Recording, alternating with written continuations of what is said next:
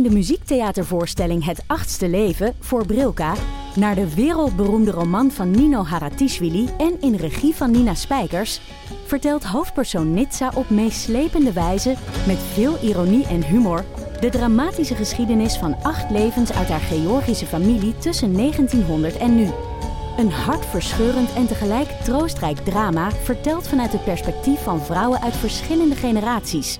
Waarbij het publiek meegenomen wordt op een emotionele, visuele en muzikale reis door de 20ste eeuw. Koop je tickets voor het achtste leven via oostpol.nl. En hij pakt mijn gezicht in zijn handen en hij zegt: Kaatje, dit is de realiteit, hè? Hey, ik ben Pieter van Relaas. In Relaas hoor je waar gebeurde verhalen en die worden live voor een publiek verteld door de mensen die ze zelf hebben meegemaakt. En blijkbaar, ze weten niet hoe dat, dat komt, maar sommige mensen ontdooien beter dan andere mensen.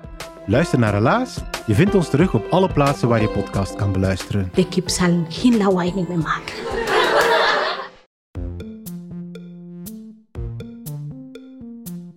Hallo daar, fijn dat je luistert naar Boeken FM. Heb je een vraag voor ons? Stuur dan een mail naar boekenfm.dasmag.nl. En we zijn ook te vinden op Instagram, boekenfm. Wil je nou nooit meer een aflevering van ons missen? Abonneer je dan nu in je eigen podcast-app. En geef ons ook vooral een heleboel sterren en recensies. Dan zijn we ook zichtbaarder voor anderen die ons misschien willen luisteren. Nou ja, ik heb nog een klassieker. Uh, die is dan wel verzonnen door een man. Ik denk ook wel dat dat bepaalt wie hij is. Namelijk graaf Vronsky. Vronsky. Uit Anna Karenina van Pas, op, pas altijd op hoe je het uitspreekt. Want je weet dat Charlotte niets liever doet oh ja, dan klopt. mensen je corrigeren dat ze in, in, het Russisch een verkeerde klemtoon ergens leggen. Dit heb ik echt Het is- alleen... Het is Nabokov. Dit is Nabokov.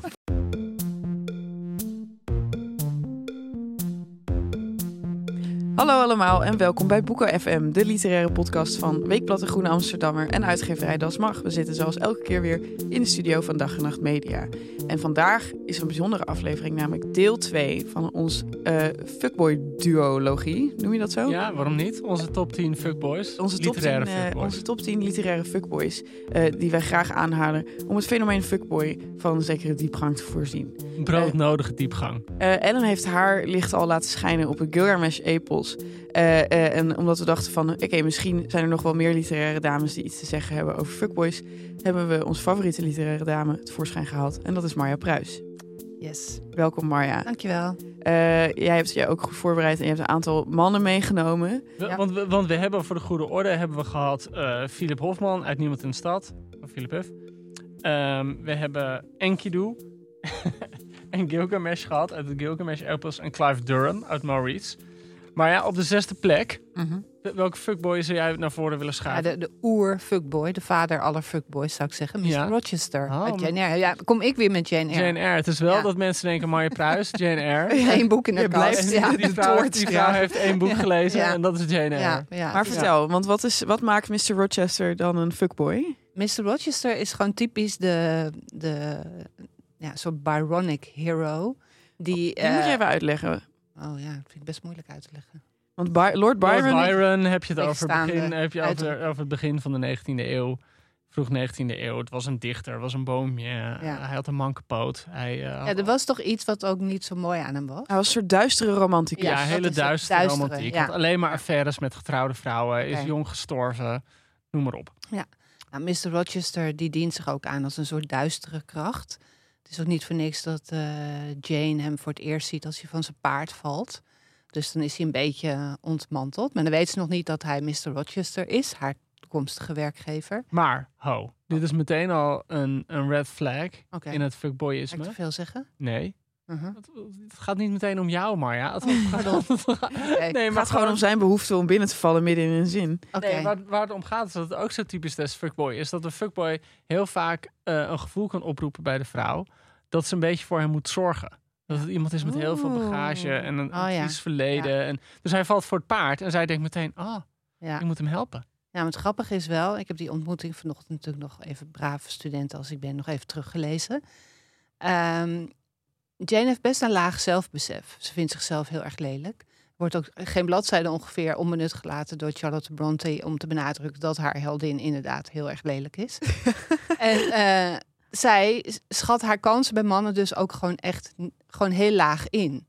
En als zij een man knap vindt, dan zal zij nooit het woord tot hem durven richten.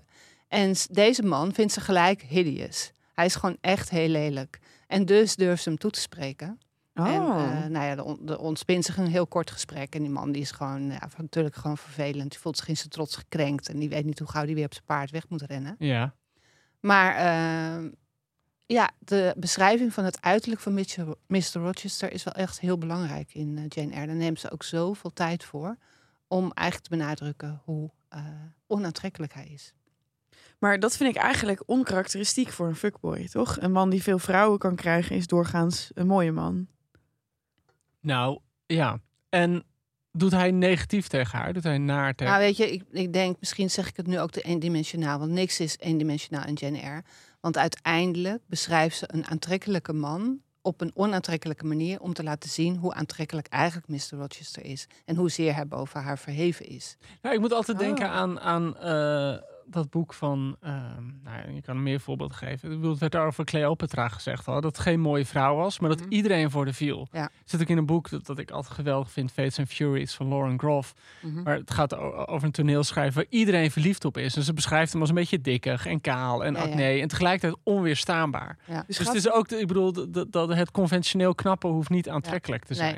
Nou, kijk, je moet ook denken, volgens mij, het is onaantrekkelijk zoals een wolf onaantrekkelijk kan zijn. Eigenlijk Oh. gevaarlijk. Oh, Hij ziet er gevaarlijk uit. Ja, oké, ja. En, En eh, doet hij heel negatief tegen haar? Ja, en er is, er ont- er is meteen zo'n soort spel tussen hun, waarin ze elkaar aftroeven met eh, wat ze gelezen hebben en ze een en al wisecracks. En dat durft zij ook, omdat het gewoon niet een gladde jongen is.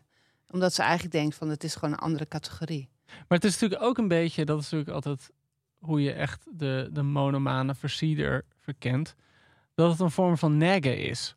Dus ik had zo'n zo'n Ja, ja, ja. procedé, en dat- dat doet hij heel erg. Hij pest is haar. door, ja. door heel van die Ja. pick-up artists. Ja. En dat, dat was altijd de truc. Je moet neggen, dus negatief Ja. zijn tegen Dat betekent dat ze, dan haal Dat je er zelfbeeld naar beneden. Ja, gewoon zelfbeeld naar beneden halen. Heel een beetje lullige opmerkingen maken. Ja, dat doet Eh, hij heel erg. zeggen, oh, je vriendin Ja. is echt veel knapper. Gewoon dat soort dingen. Om, om iemand een beetje te isoleren en een beetje een gek gevoel te geven. Dat als je dan dat compliment maakt, dan ah, ah, Ja. als een bloem naar de zon. Maar Ja. doet Rochester dit opzettelijk? Uiteindelijk wel, want er is steeds ook nog een andere vrouw, een andere mogelijke partij ergens. En dan gaat hij een feest organiseren en is zij de hoofdgasten. En dan ziet Jane ook weer hoe knap die vrouw is en hoe, nou ja, wat een, eh, wat een perfecte partij zij zou zijn voor Mr. Rochester. En dan merkt ze eigenlijk hoeveel gevoelens ze voor hem heeft, want ze is dus dan heel jaloers, eigenlijk verlamd. En weet van, ik moet gewoon maken dat ik wegkom. En dat merkt Mr. Rochester en dan gaat hij de plagen. Wat zieloos eigenlijk. Ja. we hadden in de eerste aflevering een onderscheid gemaakt tussen een soort van bewuste fuckboys en, en mannen die manipulatief zijn omdat ze gewoon egoïsten zijn en niet Ja. doorhebben wat ze doen. Ja, dus het, het verschil tussen de fuckboy en de softboy. Dus de Oké. softboy is een vari de variant van de fuckboy.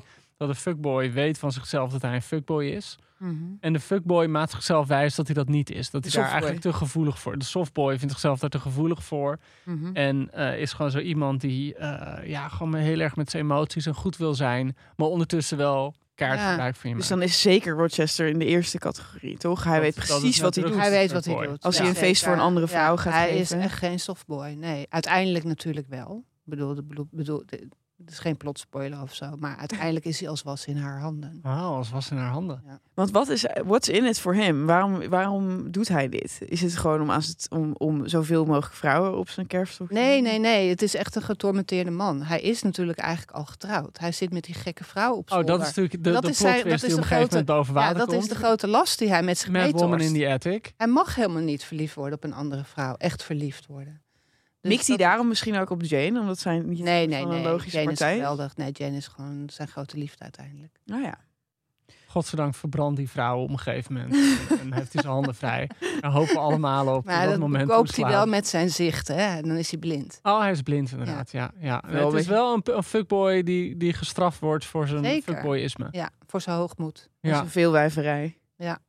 Wijverij. als, we hem, als je hem zou moeten casten, Marja. Als we hem zou moeten Ja, heb ik over casten. nagedacht. Ja, ik kan dus. hij is ik ook wel het- heel ik- vaak verfilmd. Ja, ik vind het heel lastig om te denken buiten gewoon bekende acteurs om. Kijk, hij is natuurlijk gewoon totaal een Alan Rickman. die helaas niet meer onder ons Oh. is. Maar het- zo stel ik me echt Mr. Rochester voor. Is hij ooit gespeeld door Wickham? Volgens mij niet. Alan Rickman. Rickham. Rick- Rick, Rickman. Rickman. Ja, volgens mij is hij niet door hem gespeeld. Maar Ja, die volgens heeft mij wel, is echt toch? wel een hele goeie. Het Is is, wel gespeeld? Ja, ik dacht het Oh. wel. Nou, ik weet niet. Ik, echt zie hem helemaal voor me als... eh, Ja. ik zag, eh, hoe heet die gast uit The Shining ook weer? Jack Nicholson? Ja, Jack Nee. Nicholson. Nee, nee. En zij ook Shelley Duvall. Ja, Ah. nee, nee, ja, ik snap het wel. Maar die Ja. zijn te, te Amerikaans. Ja. Je hebt toch Britten nodig. Ja. Ja, mijn lievelingsfuckboy is natuurlijk gewoon Nicolas Cage. Maar ja, Nicolas Cage als Mr. Rochester, ik weet Dat het niet. ver- Te komisch, denk ik. Ja, Ja. ik denk dat ze ironie gewoon, dat die gewoon niet weggaat. Ja, ja precies. Oké, dus op de zesde plek Mr. Rochester. Mr. Rochester. Uit Jane Eyre. Uit Jane Eyre. Oké, dan gaan we naar de vijfde plek. Mag ik er, mag ik er weer eentje doen? Ja, ga je gang. Ik heb wel weer ehm, eh, gekozen voor eh, een fuckboy. Eh, een boek dat vanuit de, de fuckboy zelf geschreven is. Zo grappig hoe dat, Ja, hoe dat sorry, jou steeds had- lijkt te overkomen. Ik, ik dacht, ja, Dat is wel echt bepalend, toch? Voor een karakter, voor een personage. Of het echt van, ook al door een man geschreven is, bijvoorbeeld. Ja. Denk ik. denk het wel, ja. nou, in dit geval wil ik het wel even met jullie over hebben. Eh, Alleen in dit het begint zo. Dus het- het- ik lees het in het Engels voor, want het boek is niet vertaald in het Nederlands. I'm not a bad guy, begint het. Softboy. I know how that sounds defensive, weak, unscrupulous, but it's true. I'm like everybody else weak, full of mistakes, but basically good. Magdalena disagrees, though. She considers me a typical Dominican man, a sucio, an asshole. See, many months ago, when Magda was still my girl, we didn't have to be careful about anything. I cheated on her with this chick who had tons of 80s free flowing style hair. Didn't tell Magda about it. You know how it is a smelly bone like that, better off buried in the backyard of your life. Magda only found out because the homegirl wrote her a fucking letter. And the letter had details. Shit you wouldn't even tell your boys drunk. Zo begint This Is How You Lose Her van Gino Diaz. En... is En een klassieke klootzak dit. Ja. het is een klassieke klootzak. En eh, eh, ik moet erbij zeggen dat ehm This Is How You Lose Her is een, een verhalenbundel uit 2012. Waar al die verhalen hetzelfde personage hebben. Namelijk Junior, dat is de verteller. En ehm, Junior gaat het hele boek door aan de lopende band vreemd. Eh, wat, wat ook een hele mooie... eh, ehm, eh, slotverhaal is ook heel mooi. The Cheater's Guide to Love. En dat, dat gaat helemaal... Zo'n jongen die de hele tijd ah, ervaart dat hij als een soort gekooide tijger door het leven gaat. En zijn handen zijn op, op, de, op, zijn, op zijn rug gebonden. En hij heeft gewoon een vriendin. En hij, hij En die heeft Eh, zijn ballen ferm ja, in nee, haar. en hij gooit de vuilnis buiten en hij maait er, maait er eh, gras en hij gaat met haar ouders uit eten en hij gaat op zondag met haar naar de kerk. Dus hij vindt dat hij dan eigenlijk wel gewoon af en toe zijn avontuurtje verdient, waar niemand iets van hoort te weten. Mhm. En eigenlijk in die verhalen gaat het er steeds opnieuw weer over hoe die vrouw erachter komt. En eh, eh, hoe die vrouwen erachter komen en hoe die dan gewoon hem natuurlijk helemaal gek maakt. Eh, Vind jij, vind jij hem sympathiek? Ja, het, er klinkt wel Nou, iets door in je stem ja. namelijk. Dat ik hem sympathiek vind. Ja, dat je ook wel om hem moet lachen. Of Nou, zo. kijk, het grappige is, en, en dat, is, dat is wat Gino Diaz mooi maakt. Ik bedoel, eh Gino Diaz, voor de mensen die hem niet kennen, is een eh ja, Dominicaanse-Amerikaanse schrijver. Hij heeft in ehm 2010, wil ik zeggen, maar ik kan misschien kloppen, eh, de Pulitzerprijs gewonnen met echt een geweldig boek. The Brief Wondrous Life of Oscar Wilde. Echt een geweldig boek over een ja, eh, klein, eh dikkig jongetje dat alleen maar geïnteresseerd is in high fantasy. Zo'n jongen die gewoon alleen maar chips aan het vreten is, Lord of the Rings leest, puistjes heeft en dan helemaal verliefd wordt op de seksbom. Eh, en dat speelt voor een deel af in de Dominicaanse Republiek, op de seksbom van het dorp. En, en eh, die met een enorme macho getrouwd is. Dan gaat hij gewoon alles op alles zetten om dat, die kleine dikke prop, om die vrouw te regelen. Want hoe oud is die jongen dan? Nou ja, gewoon een puber. Is Oh. Eh, en dat, dat is nou echt geweldig, geweldig boek. Echt een heel grappig boek. Hm. En ehm, dat speelt, hij heeft een soort van, het speelt zich altijd in die Dominicaanse gemeenschap in, Mhm. in eh, New York uit. En hij heeft gewoon een hele lekkere manier van schrijven. Het is heel vettig, het is heel grappig, het is heel zelfbewust. Het zit vol met, met verwijzingen naar van alles. Dus hij heeft het gewoon over, hè, van, ehm, hij heeft het over die relatie eh, met Magda. Zeg van, we were visiting each other's family on the weekend, eating breakfast at dinners, hours before anybody else was up, rummaging to the New Brunswick Library together, A nice rhythm we had going. But then the letter hits like a Star Trek grenade and detonates everything past, present, future. Suddenly, your folks want to kill me. It doesn't matter that I helped him with her taxes two years running or that I mow their lawn. Her father, who used to treat me like his hijo, dit is ook lekker vol met Spaans, calls me an asshole on the phone. Sounds like he's strangling himself with a cord. You no deserve I speak to you no English, he says. In Spanish. Ehm, en dus hij heeft, hij heeft een soort van verteller die, die fout is en vol met zelfmedelijden zit. Maar het is zo'n bloemrijke, grappige taal. Eh, en het is zo iemand die Hij nooit... is onweerstaanbaar. Hij is onweerstaanbaar. En dat maakt ook wel wat die duidelijk. vrouwen van hem Ja, willen. En, hij, is- en ja. wat je vooral merkt in die verhalen, en dat hij gewoon niet opgeeft. Hij blijft achter die vrouwen aangaan, ook als ze hem afgewezen hebben, ook als ze hem gedumpt hebben. Hij blijft gewoon achtergaan. En wordt hij gestraft of wordt hij ongelukkig? Of, eh, Nou ja, er gebeurt van alles in zijn leven dat dat verdrietig is en zo. En, en, ehm, maar hij merkt dan bij zichzelf, dat vind ik een heel mooi inzicht in het boek, dat hij dan in, in dat eerste verhaal, dat die vrouw hem dumpt en dat hij dan terug begint te denken aan hoe ze vroeger waren. En dan haalt hij al die herinneringen op hoe mooi het was. En opeens zegt hij, and that's when I know it's over. As soon as you start thinking about the beginning, it's the end. En op dat moment in het verhaal denk je echt van goed, laat het afgelopen zijn. Laat dat meisje gewoon met rust. En dat meisje stuurt hem dan een brief. Zegt ze van ik heb een nieuwe man ontmoet en ik hou van hem.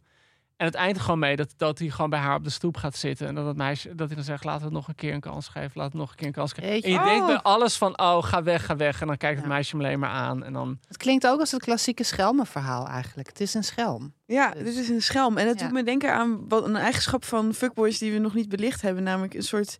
eh, dat ze vaak weigeren om volwassen te worden. Ja, er zit een soort jongensachtigheid in de fuckboy. ja, het heet ook terecht een fuckboy. En niet ja, het is geen fuck, fuck man. Nee, nee, de fuckboy is altijd op de vlucht voor verantwoordelijkheden. ja, zoals En- Peter Pan. zeg Ja, maar. en, en als een fuckboy geconfronteerd wordt met zijn gedrag, dus hè, de consequenties van wat hij doet, ja, dan weet hij gewoon niet waar hij het zoeken moet. Dan vindt hij echt het gevoel dat hem iets vreselijks on, oneerlijks Mhm. is overkomen. Dat hij gewoon gestraft wordt voor iets, ja, god, hè, zo bedoelde ik het allemaal niet. Altijd dat zo bedoelde ik niet.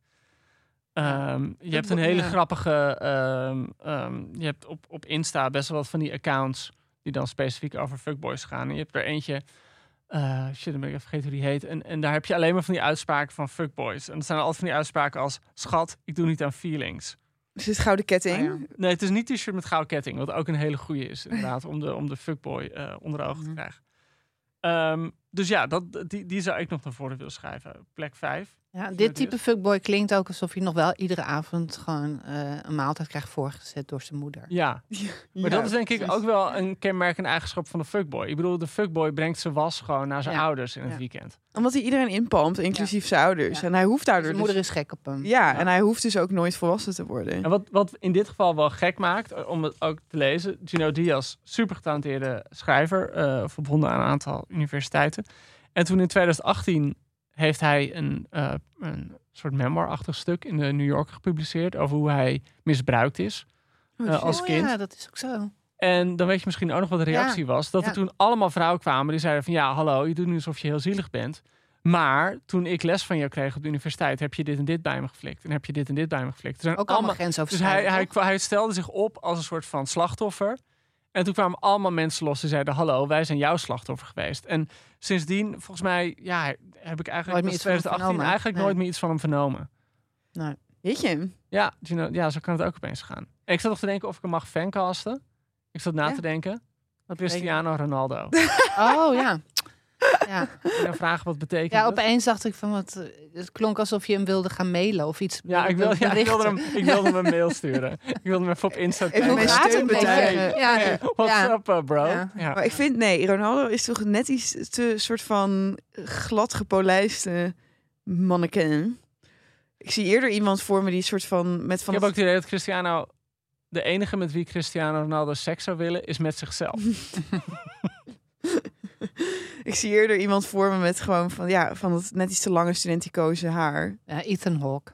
Ethan Hawke, ja, Ja, maar ja, van vroeger. Ik ben Ja. gek op Ethan Hawke. Ja, maar jij gaat altijd... Ethan Hawke is wel het type inderdaad, maar hij moet natuurlijk Gewoon iemand die altijd al verontschuldigend, een beetje als een loser in de deuropening staat en zegt: Schat, mag ik nog één keer? Ja, precies. Dat genre inderdaad. Jongens, Gino Diaz op plek 5. Oké. We gaan naar plek 4. Yes. Marje Pruis. Ja. Wie, heb je, wie, wie tover jij er Nou ja, ik heb nog een klassieker. Eh, die is dan wel verzonnen door een man. Ik denk ook wel dat dat bepaalt wie hij is, namelijk graaf Vronsky uit, Anna, Vronsky. uit Anna Karenina van Pas op, pas altijd op hoe je het uitspreekt. Want je weet dat Charlotte niets liever doet Oh ja. dan mensen corrigeren dat ze in, in, het Russisch een verkeerde klemtoon ergens leggen. Dit heb ik echt Het is- alleen... Het is Nabokov. Dit is Nabokov. Ja. Eh, Anna ja, Karenina. ik Karenina. Wat Ja. zeg jij, Charlotte? Ik zeg volgens mij voorlopig helemaal niks meer. maar ja, vertel. ja, Vronsky. Het is dus soms Vronsky en soms Vronsky. Ik vind het met een W altijd ook het mooi. mooist. Ja, vind ik ook mooi. Eh nou, ja, Vronsky is de man die eigenlijk eh, de aanleiding wordt voor Anna Karenina om haar man te verlaten. Karenin. En eh, er wordt niet zoveel over zijn uiterlijk gezegd, wat je over hem te weten komt. En Nou, hij wat betreft is het eigenlijk weer een, een atypische fuckboy. Of we moeten nog helemaal een nieuw genre bedenken voor Vronsky. Want Vronsky is een hele aardige, betrouwbare, eh, op een prettige manier ambitieuze man. Ah, Waar Eigenlijk niks op aan te merken valt. Vind je Hij- dat? Hij verleidt haar ook niet. Het enige wat hij doet is een soort...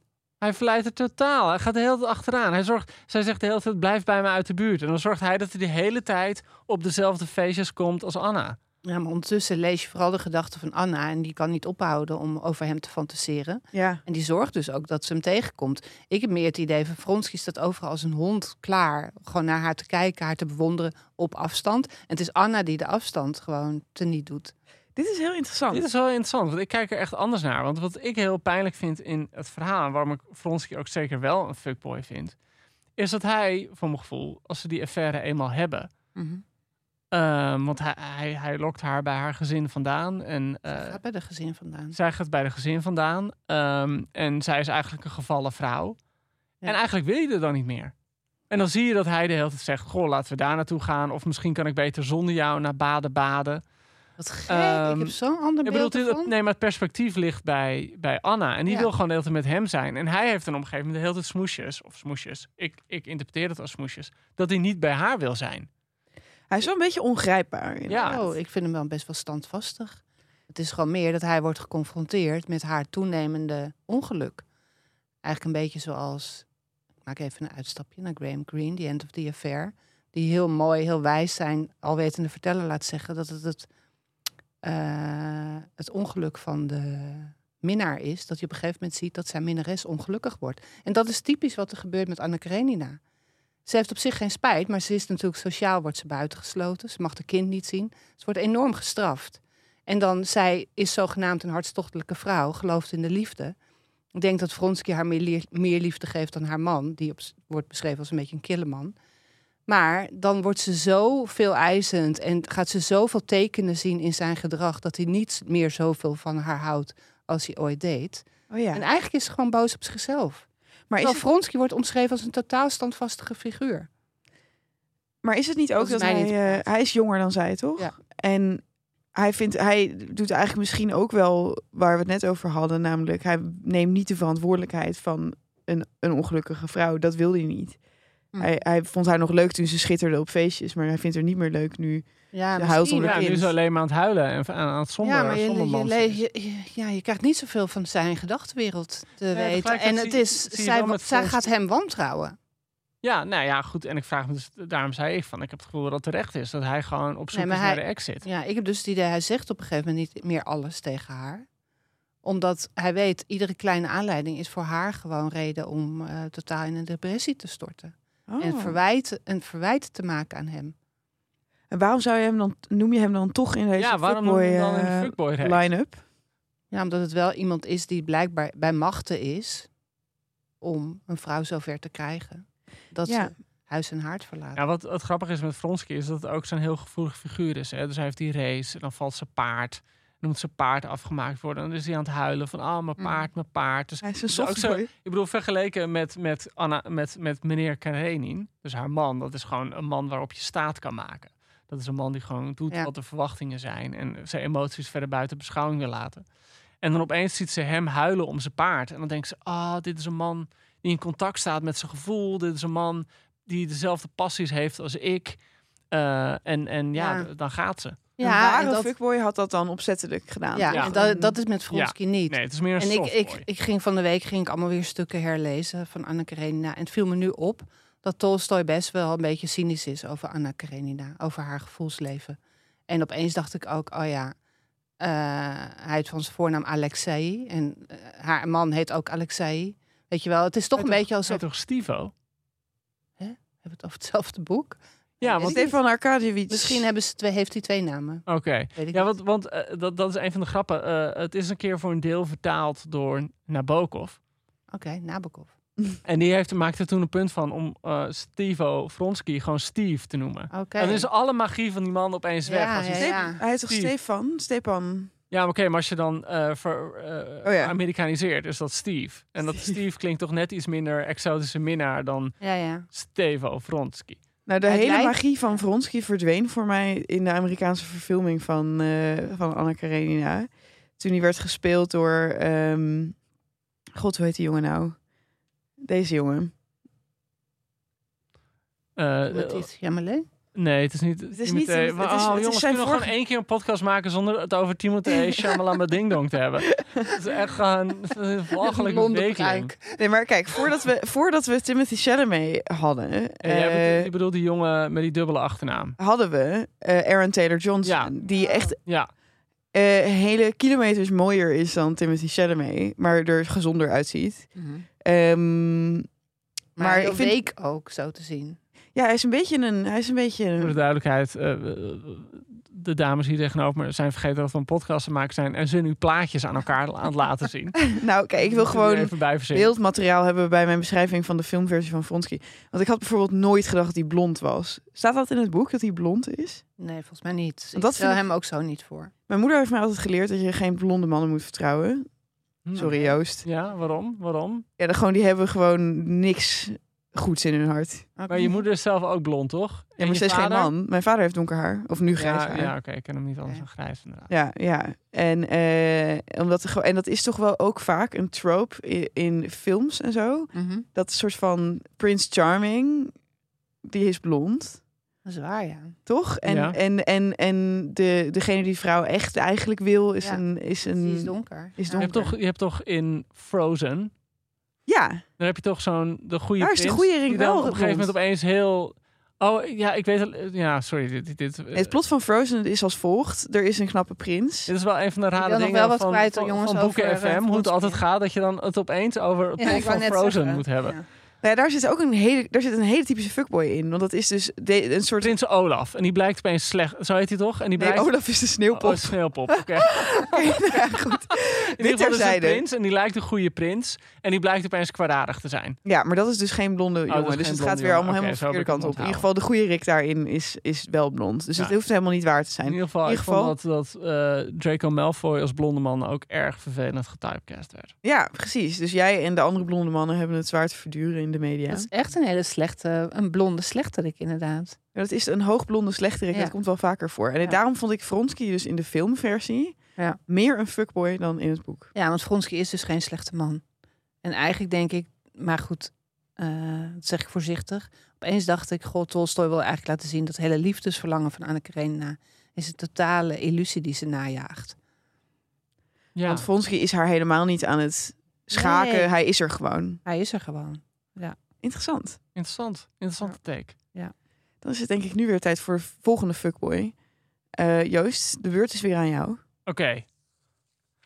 Ik heb weer een fuckboy gevonden. We gaan terug naar 1958. Frankrijk is aan het veranderen. Mensen hebben geld. De, de nauwe banden van de naoorlogse jaren worden losgehaald. Mensen bewegen zich door de maatschappij. Ah, de Gaulle is terug van het presidentschap. Er is een nieuwe Frank ingevoerd, een nieuwe republiek. Pelé is wereldkampioen geworden. Charlie Gaulle, de winnaar van de Tour de France. En op de radio klinkt Dalida, Histoire d'amour. Weet je, ik ben er. En op dat moment er is van. Ja. Annie Duchesne, of zoals wij later zijn gekend, Annie en nou, 18 jaar uit. En ze is vastbesloten dat het tijd is haar maagdelijkheid te verliezen. En haar vader heeft een winkel in de provincie. Ze hebben niet veel geld. Een beetje bekneld milieu. Maar zij kan naar een zomerkamp toe. En dat zomerkamp eh, is een, eh, een, een plek waar allerlei eh, mensen die leraaropleiding gaan doen, studenten die leraaropleiding gaan doen, samenkomen. En zij denkt, dit wordt mijn zomer. Dit wordt mijn histoire d'humour. En ze denkt alleen maar, ik moet ontmaagd worden. Nou, hoe wel binder. En dan gaat ze naartoe en dan komt ze H tegen. H. Punt. Er is geen hoe zijn naam verder heet. Ik neem aan dat hij Hugo heet. Of Henri. Ehm, of Hippolyte. Andere mooie Franse naam. Honoré. Honoré, ja. En ehm, zij denkt, deze man moet ik hebben. Dit is de man. Dit nu, deze zomer gaat gebeuren. En hij is de man die hiervoor gaat zorgen. En dan werpt ze zich in zijn handen. Zijn armen. En ze zegt alleen maar, mag ik bij je langskomen? Mag ik bij je langskomen op kamer? En hij zegt dan de hele tijd, ja, misschien. Nou, ik klop wel even op je deur. Ik laat wel even weten of je langs mag komen. Dus vanaf moment één is de machtshiërarchie helemaal, helemaal duidelijk. Dat zij is gewoon de smeekling. En hij is degene die laat weten of hem wel even uitkomt of niet uitkomt. En hij is ook ouder, hè? Hij is 22 en hij is getrouwd. Getrouwd? Ja, dat is 1958, Herinner ik me jongens. Dan ben je meer. gewoon getrouwd. Honoré? Ja, hallo. Ja, Hippolyte. hij blijkt gewoon getrouwd te zijn. Maar goed, doe je, doet hij niet moeilijk over, want het is een Franse man. En in Frankrijk hebben ze daar zijn methodes voor.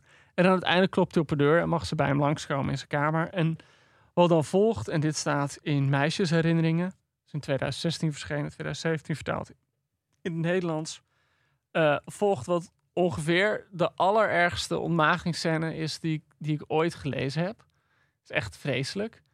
Eh, ja, ik weet niet of ik hem nu moet gaan navertellen. Het, het, het, Hoeft in ieder geval, het hoeft niet. Maar eh, uiteindelijk zit er sperma overal. En eh, wat er zo mooi in is, is hij is dus de totale kwaadaardige fuckboy. Hij is gewoon getrouwd. Hij houdt haar aan het lijntje. Zij wil heel lief tegen hem doen en hij doet alleen maar kill. Hij weet gewoon, ik kan met jou doen wat ik wil. Ik bedoel, die seksscène die ik nu niet na ga vertellen... eh, is daar ook helemaal het voorbeeld van. Op het moment dat hij klaargekomen is, heeft hij nog nul interesse in haar. Het is echt gewoon eh, dangerous. Maar ja, gewoon eh, hoe slecht wil je het hebben? Fuckboy. En wat zo ontzettend mooi is... Maar jij, hebt, jij bent nu net naar het toneelstuk wou net zeggen, die scène heb ik dus gisteren op het toneel gezien. Die ontmaagding. Vertel hem en doe hem even na voor Ja. ons. En die wordt dus, deze Annie in deze fase van haar leven wordt gespeeld door Hanna Hoekstra. Hanna Hoekstra. Hanna Hoekstra. Oh mijn god, Hanna Hoekstra. Oh, Ze van weer. jouw gedachten. Hoekstra. En Dat doet zij zo fenomenaal.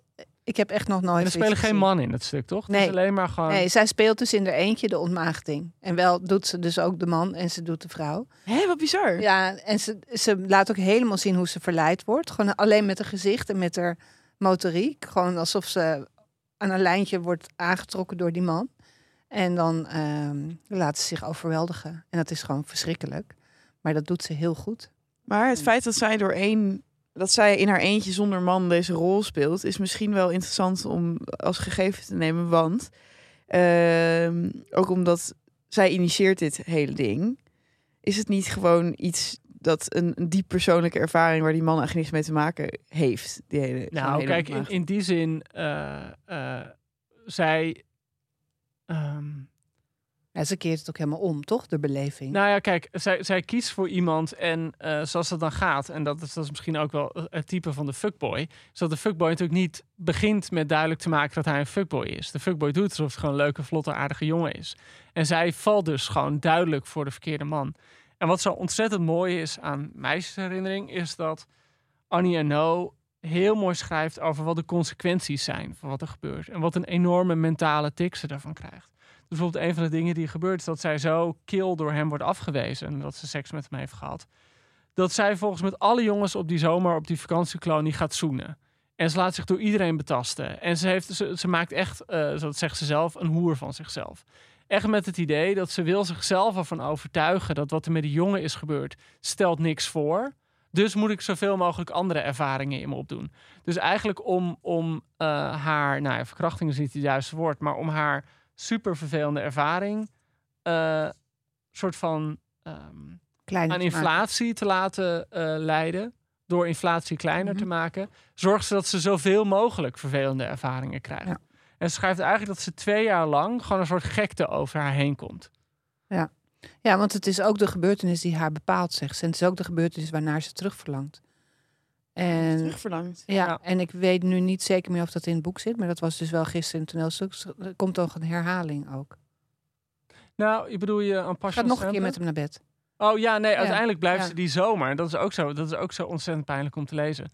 Deze fuckboy heeft heel gemeen behandeld. En toch blijft ze die Ja. hele zomer naar hem verlangen. Ja, en beschikbaar. Om ook dat ze denkt van ja, maar als hij nog een keer mij uitkiest, dan is het niet een domme ervaring geweest. Dan, is het, dan maakt het deel uit van een groter liefdesverhaal. Ja. Maar het is wel, volgens mij, misschien probeer je dat ook een beetje te zeggen. Met de verantwoordelijkheid van deze fuckboy. Waar is, deze, waar is hij op uit? Weet je, als je zegt fuckboy, dan denk ik, het is een player. Maar het is, hij is ook geen player. Het is gewoon een man die denkt van, nou, het komt er wel goed uit. Ja, maar dat is toch een beetje wat een fuckboy is. Ja, we hebben wel de opportunist is wel ook de fuckboy. Oké. of- Ja, de fuckboy is ja. ook gewoon in de categorie van eh, de mogelijkheid maakt dief. Ja, maar een fuckboy denk ik ook, er is nog iets plezierigs of zo, iets frivols. En dit is gewoon echt een, een boer. Nou ja, ik bedoel, eh, ja, eh Nou ja, hij goed, heeft seks. misschien zit ik ik bedoel, nu- dat, ja, dat is denk ja, ik voor, voor ja. heel veel mannen een eh Ja, dat is genoeg. Ja, Maar we moeten even misschien terug naar iets wat Ellen zei in de vorige aflevering. Namelijk dat vrouwen ook gewoon toetrekken naar mannen die slecht nieuws zijn of zo.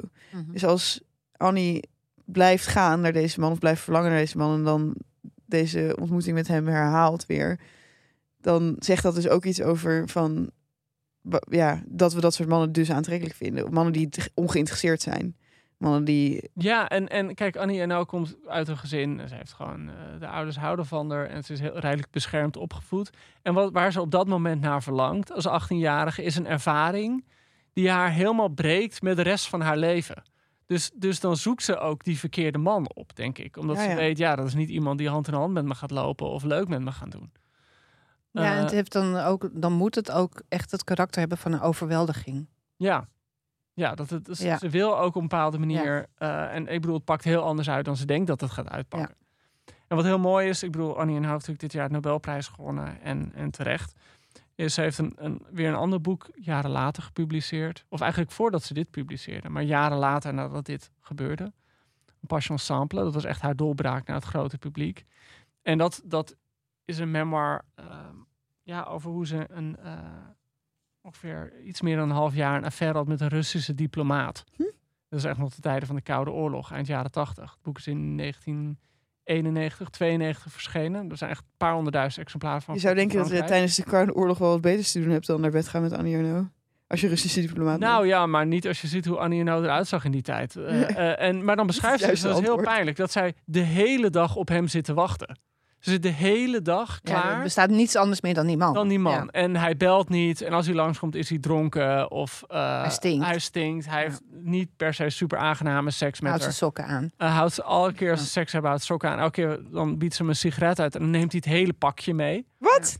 Eh, hij is dus de hele tijd aan het opscheppen. Dat, dat, hij, dat hij gewoon houdt Als hij van- binnenkomt, kijkt hij al op zijn horloge. Ja, inderdaad. Ja. Het is gewoon een vreselijke, vreselijk foute man. En zij verteert die liefde en hartstocht helemaal. Maar dit bevestigt weer dat Hanna Hoekstra er eentje is of zo.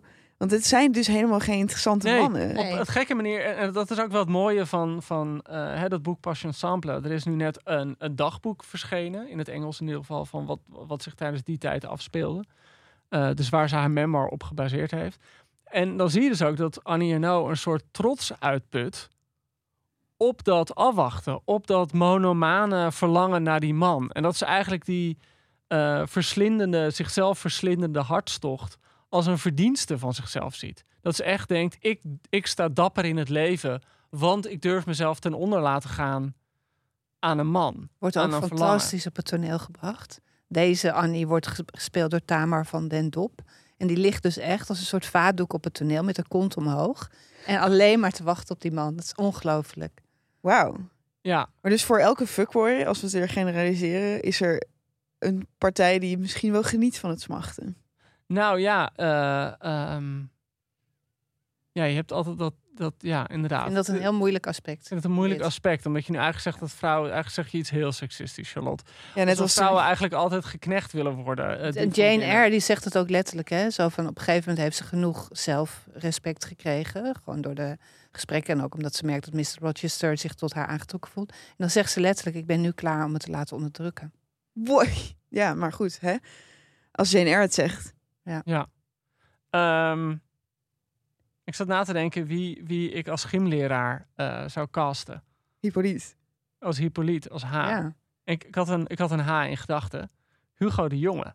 Op een of andere manier zag ik Oh. gewoon jonge Hugo de Jonge vormen. Met Ja. een beetje zo net te veel zelfvertrouwen. Maar ja, ja. Zo, zo, zo'n jongen Beetje die zo'n smooth aardig lijkt, maar eigenlijk ja. zie je ook iets, iets gemeens in die blik. Ja, zoals Guus Geluk. Zoals Guus Geluk. Daar lijkt hij Ja. sprekend op. Ja. Ja. Dus ik denk dat de H uit de meisjeringen van Annie No, dat dat gewoon H de Ja. jongen is. Ik denk het. Ik denk dat we het ontdekt hebben.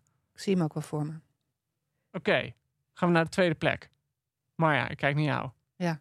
Ik dacht aan eh, Nino uit die Napolitaanse romans van Elena Ferrante. Elena Ferrante, de Nino, die- Italiaanse schrijfster, waarvan we allemaal niet weten wie ze is. Nee, en we kunnen dus niet eens zeker zeggen of, of Nino nu een, een bedenksel is van een vrouw of van een man. Ja, er zijn, er zijn Elena Ferrante, er zijn echt allerlei theorieën dat het een man, een Ja, man ik is. heb- ik Ja. dacht dat het een getrouwd stel was. Oh nee, dat was iemand ja, anders. dat is ook een theorie. Ja, dat is ook een dat theorie. het een dat stijl is. stel De een is vertaler en de ander is schrijver. Ja, Ja, ik weet het nu e- even echt niet meer. Maar het is ook wel een tijd geleden dat ik echt Ferrante tot me nam. En toen ik Ferrante tot me nam, dacht ik... nou, dat kan niet door een man geschreven zijn. Dit is zo gewoon goed in de vrouw gekropen. En dat kan niet zo bedacht ik, zijn. denk, Maar ik, weet ik heb soms met sommige van die boeken dat je denkt van...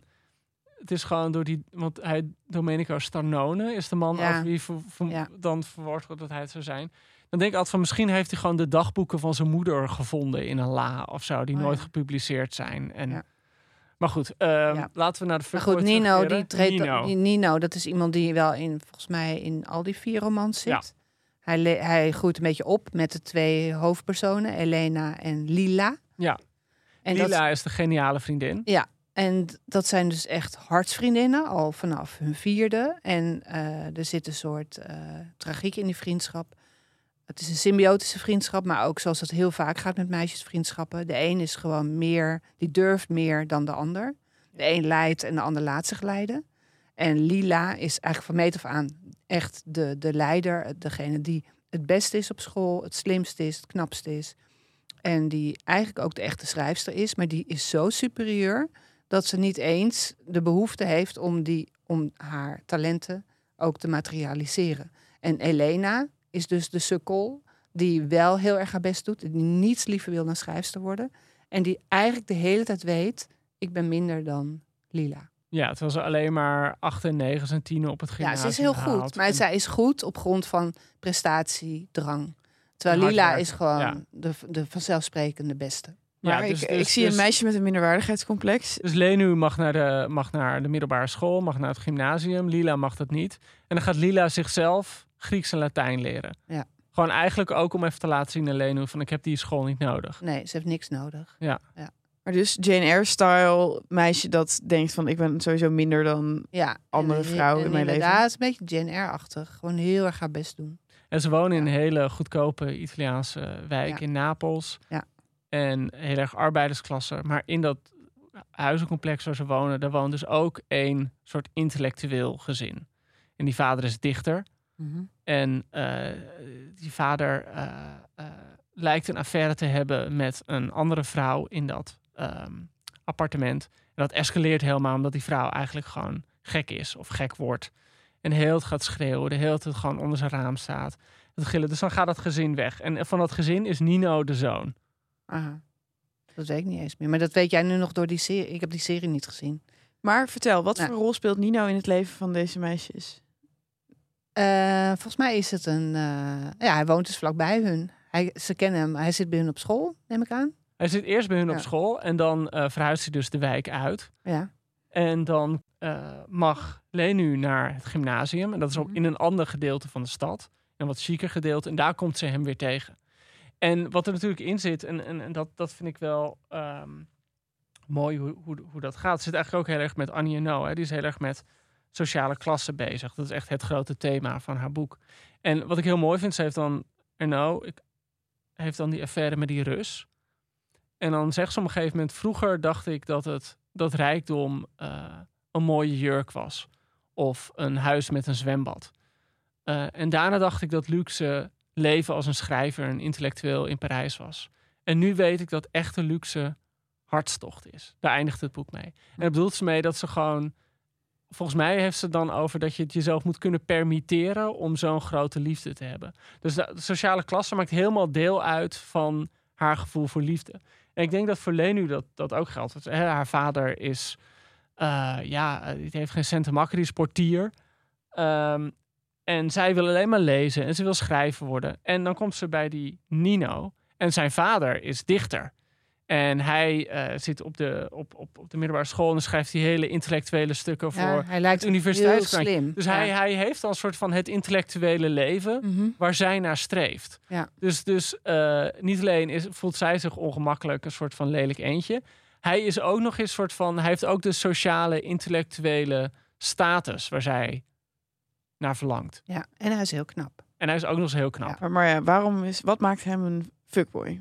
Eh, het is iemand die op een gegeven moment ook wel weet dat hij in staat is om eh, gewoon te krijgen wat hij wil. En eh, Lila die kiest voor een vrij veilig huwelijk met een hele brave kruidenier. En die heeft op een gegeven moment een geheime verhouding met Nino. En dat is eigenlijk reden voor Elena om ook Nino te willen. Dus het is wel ook weer een manier voor haar om dichter bij haar vriendin te komen. En ze wordt zo jaloers. En Elena is ook getrouwd en ze kan gewoon niet wachten totdat ze Nino ook heeft. En Nino die zit er niet mee om met hun allebei te gaan. Want hij, het, hij heeft een soort uitspraak van liefde heeft geen ogen en geen oren. Waarmee hij eigenlijk zegt van nou, die vrouwen zijn gewoon sex crazy. Weet je wel, ze zijn gewoon gek. Oh ja. En daar maakt hij gewoon gebruik van. Oké, oké, Ja. oké. Maar hij is dus en het ook is echt een slechterik, want hij eh, eh, weet van Elena's ambities. Zij schrijft op een gegeven moment een verhaal en stuurt dat in naar een letterkundig tijdschrift. En hij, ze laat alles aan hem lezen, ook weer onzeker. Hij moet haar goedkeuring geven. En dan ziet hij hoe goed het is en dan verdonkere maand hij het dus. Ja, en dat hoort ze pas veel later. En, en dat is ook weer zoiets idioots. Dan ziet zij dat als een teken van zijn liefde voor haar. Omdat hij dan haar voor zichzelf Ja, zou willen ja, houden natuurlijk. Oh ja. my god. Nou, wat ja. natuurlijk ook heel lullig is, is in het tweede boek zit dat. Dat hij het eigenlijk lijkt alsof hij een beetje met Lenu aanpapt om bij Lila te komen. Want hij heeft volgens mij heel goed door als Lenu iets heeft, wil Ja. Lila het ook hebben. Er zit iets heel, wat je al zei, dat- Ja. die, meisjesvriendschap is heel, Heel conc- competitief. ja, Dus hij weet gewoon, als hij, als hij gaat flirten met Lenu, dan komt vanzelf Lila hem Ja. inhalen. Ja. En zo hij pakt zet, het ook hij zet uit. deze ingewikkelde Dus- vriendschap in voor eigen gewin. Ja, hij zet de, de damesvriendschap in voor eigen Ja. gewin. En je krijgt ook weer dat typische gedrag wat Annie Ernaux ook beschrijft in een Passion Simple. Dat alleen maar, op, Elena kan op een gegeven moment alleen maar op hem wachten. Weet je wel, hij, hij laat blijken van ja, ik kom wel en dan komt hij niet. Of hij komt veel te laat of hij komt maar heel eventjes. Dat is dus echt een verschrikkelijk masochistische aangelegenheid. ja. Ja. Een Goed voorbeeld, keer- Ja, ja. Goed dat hij op twee staat. Ja, goede, goede Ja. nummer twee, denk Ja. ik. Deze Dat is een vijand. En ik heb echt Eh, best wel zin je- meteen om dit allemaal te gaan lezen. Ja, dus Ja, denk ik. eh, het is heel mooi om te lezen. Het is echt Eh, heerlijk. ja, en Ja. als je hem zou fancasten, komt er iemand in naar boven? Mm. Ja, het moet wel echt een knappe. Ook wel. Ik kom, ik, kom, ik kom nu niet verder dan een jonge Robert De Niro, maar ja, die bestaat niet meer. Nou, dat mag. In fancasten Ja. staat er geen tijd. Er staat geen tijd. Nee, nee, de tijd is, is slechts. Of Andy Garcia, die vind ik Oh, heel Andy leuk. Garcia zou ik, Ja. zou ik een betere Ja. vinden, inderdaad. Ja. Ja. Ook omdat Rob De Niro volgens mij nooit jong is geweest. Zo'n man die gewoon Uit het eigen ja, kropen op als- Ja, 50 ja, ja, ja. zo'n Ja. 50-jarige Ja, Andy. Garcia zou een hele mooie zijn. Ja. Ja. Andy Garcia, eeuwig jong. Oké, dan gaan we nu eh, naar wat we eh, tot nummer 1 uitroepen. En Charlotte, het woord is aan jou. Nou, het is een ingewikkelde natuurlijk. Maar eh, ik heb een nummer 1 gekozen die eh, doorklinkt in meerdere eh, eeuwen. Dit personage is zo'n fuckboy dat hij later opnieuw eh, is vereeuwigd door een, een tweede schrijfster. Ehm, en je zou denken dat ik het heb over Mr. Darcy uit Pride and Prejudice. Die is natuurlijk op het eerste gezicht een klootzak. Hij doet superieur tegen de vrouwen die hem interessant vinden. Hij heeft allerlei snobistische opvattingen over hè, de mensen met wie hij omgaat. Die vindt hij allemaal smakeloos en ordinair. Ehm, hij weet donders goed dat hij hard genoeg dat eh, Elizabeth hem kan horen iets lulligs over haar zegt. Dat is manipulatief. Dus hij is een klassieke fuckboy, zou je denken. Maar uiteindelijk blijkt natuurlijk aan het einde van het boek dat hij dat helemaal niet per se manipulatief heeft bedoeld of zo. Hij is niet een klootzak, hij is gewoon onaangepast. Ja, En eh, niet alleen onaangepast, maar ook nog eens beschadigd. Ehm, zijn vertrouwen in de mensheid is een beetje vervlogen. En dat komt grotendeels door de echte fuckboy van Pride and Prejudice, namelijk Wickham. Ja, dat Mr. is, Darcy is een totale softboy. Ja, Dat is gewoon zo'n man die de hele tijd rondloopt met zijn onbeantwoorde liefde en zijn zijn geknakte gevoelens. Ja, precies. En die dus uiteindelijk ook niet eens echt ooit geprobeerd heeft om Lizzie om de tuin te leiden of zo. Ehm, mag ik haar zo noemen? Ja. Ja, ik, ik vind het fijn dat je zo familiair met haar bent. Ja. Eh, eh, en, en Wickham, die heeft eh, Mr. Darcy's 15-jarige zusje geschaakt.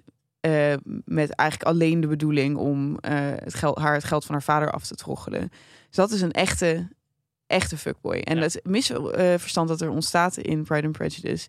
is dat Elizabeth van Wickham hoort dat Darcy hetzelfde heeft gedaan, toch? Dus Wickham die Ja. liegt over wat er in het verleden heeft plaatsgevonden... en hij beweert van, oh, Darcy heeft mij dit aangedaan. Ja, Terwijl het eigenlijk precies andersom is. ja. Maar ja, eh, Elizabeth is zo vooringenomen, want hij heeft lullig tegen haar gedaan op een feestje. Dus ze gelooft het meteen. Ditzelfde misverstand is eigenlijk in nog, in nog veel kleurrijker eh, gerecreëerd in het in 1996 geschreven meesterwerk Bridget Jones. ja. Eh, waar Mr. Wickham ook in bestaat in de vorm van Daniel Cleaver. Nou, Bridget Jones kennen jullie allemaal. Zij is de legendarische 33-jarige single girl die eigenlijk gewoon een beetje aan het rondkutten is op haar werk en ze is eigenlijk op zoek naar liefde. Maar ze blijft alleen maar klootzakken tegenkomen. En eh, ze neemt zich voor op 1 januari van nou dit jaar ga ik eindelijk met leuke mannen doen. Maar wat gebeurt er? Ze wordt verliefd op haar baas. En dat is Daniel Cleaver. En Daniel Cleaver, die heeft alles wat we tot nu toe hebben beschreven, is belichaamt Alles, hij. ja. Alles. Want hij is niet alleen eh, overspelig. Hij heeft een verhouding met Bridget Jones en intussen ook met iemand anders. Hij is ook nog eens, maakt hij valse beloftes. Hij gaat met haar op een eh, mini-holiday weekend, hoe noemt ze dat? Ja. Mini-break. Gaat en neemt haar mee naar een romantische locatie. En laat het het doorschemeren dat hij haar serieus neemt. Ja, zij is een vrouw van die- 33. Ze wil eigenlijk nu wel een serieuze vriend. Dat weet hij ook donders goed. En tevens eh, onderhoudt hij dus een verhouding met iemand anders. Het is ook heel erg iemand die schermt met een bepaalde intellectuele klasse. Ja. Het is heel erg die schermt met zijn eigen sociaal-economische klasse, want hij is natuurlijk best posh. Ja, Ehm, en hij wil haar de hele tijd op haar plek zetten. Hè? Want zij is, eh, hij vindt haar dom. Hij Eh, vernedert haar toch Hij vernedert haar de hele tijd aan plein publiek. Ja. Zij, op een gegeven moment, hè, zij zit natuurlijk wel de hele tijd met haar vriendinnen te bellen onder werktijd. En dan betrapt hij haar. En dan zegt zij zo van... Ik weet trouwens niet of dit in de film is of in het boek. Maar anyway. eh, hij vraagt ze van, oh, met wie is zijn telefoon? Want hij weet donders goed dat ze met haar vriendin aan het bellen is. En zegt zij, oh, FR Leavis. En dan zegt hij, oh, de FR Leavis. De FR Leavis die vijf jaar geleden dood is gegaan.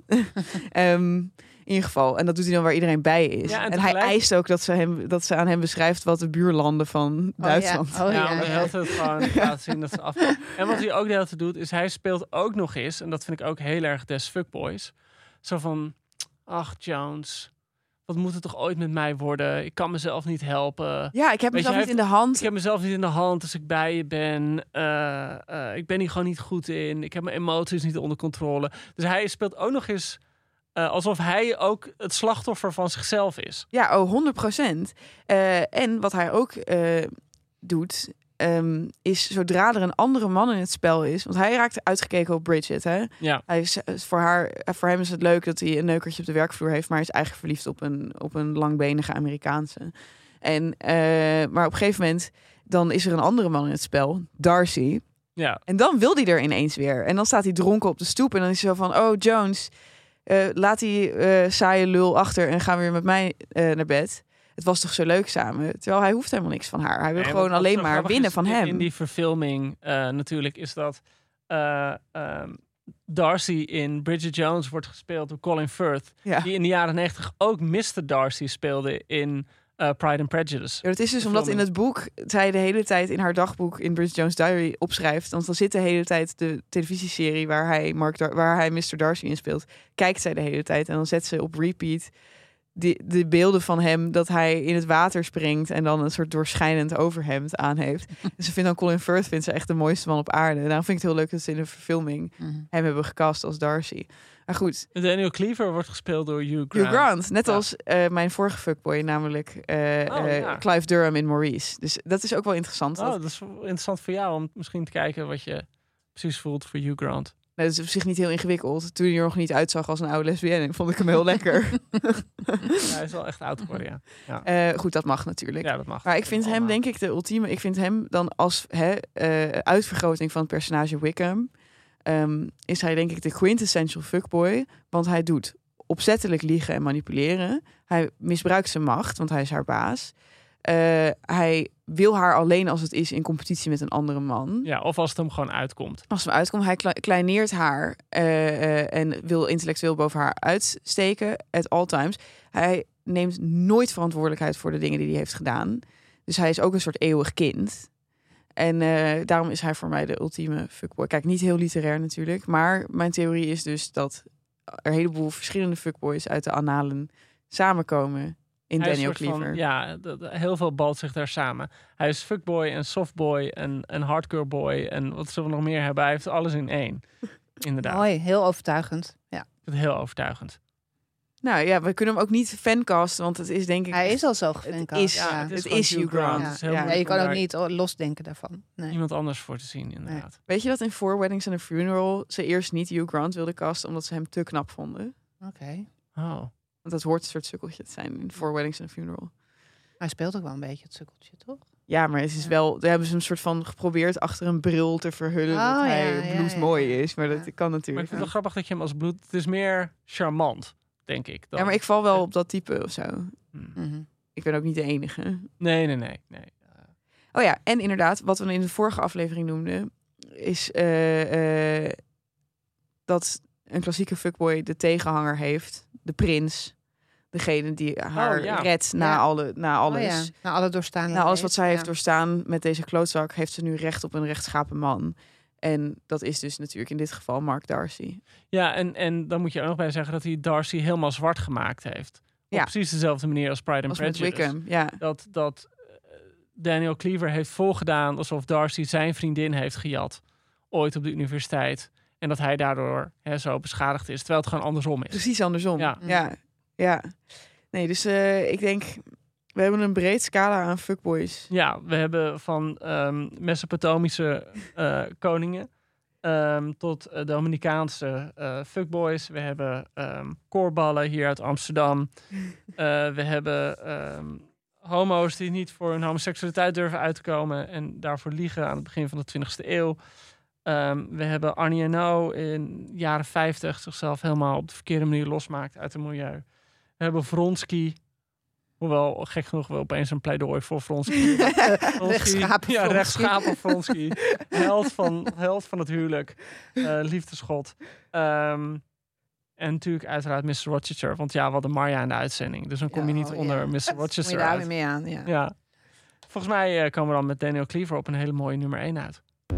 Dan eh, wil ik jullie allebei heel erg bedanken dat jullie ook vandaag, bedanken. Ja, bedankt. Ja, En eh, dat jullie zo goed hebben nagedacht over dit belangrijke onderwerp. heel Hebben jullie het ook al gehad over de vrouwelijke tegenhanger eigenlijk? Of niet? Nee, Is er een vrouwelijke tegenhanger?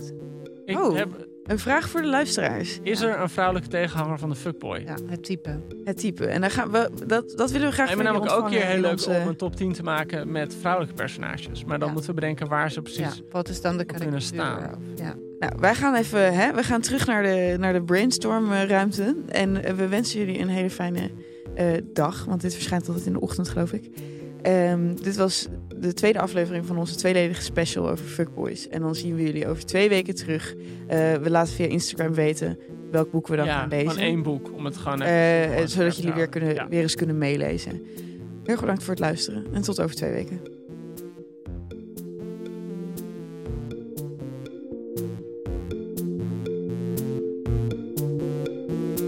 Nog even over die grootse en epische muziektheatervoorstelling.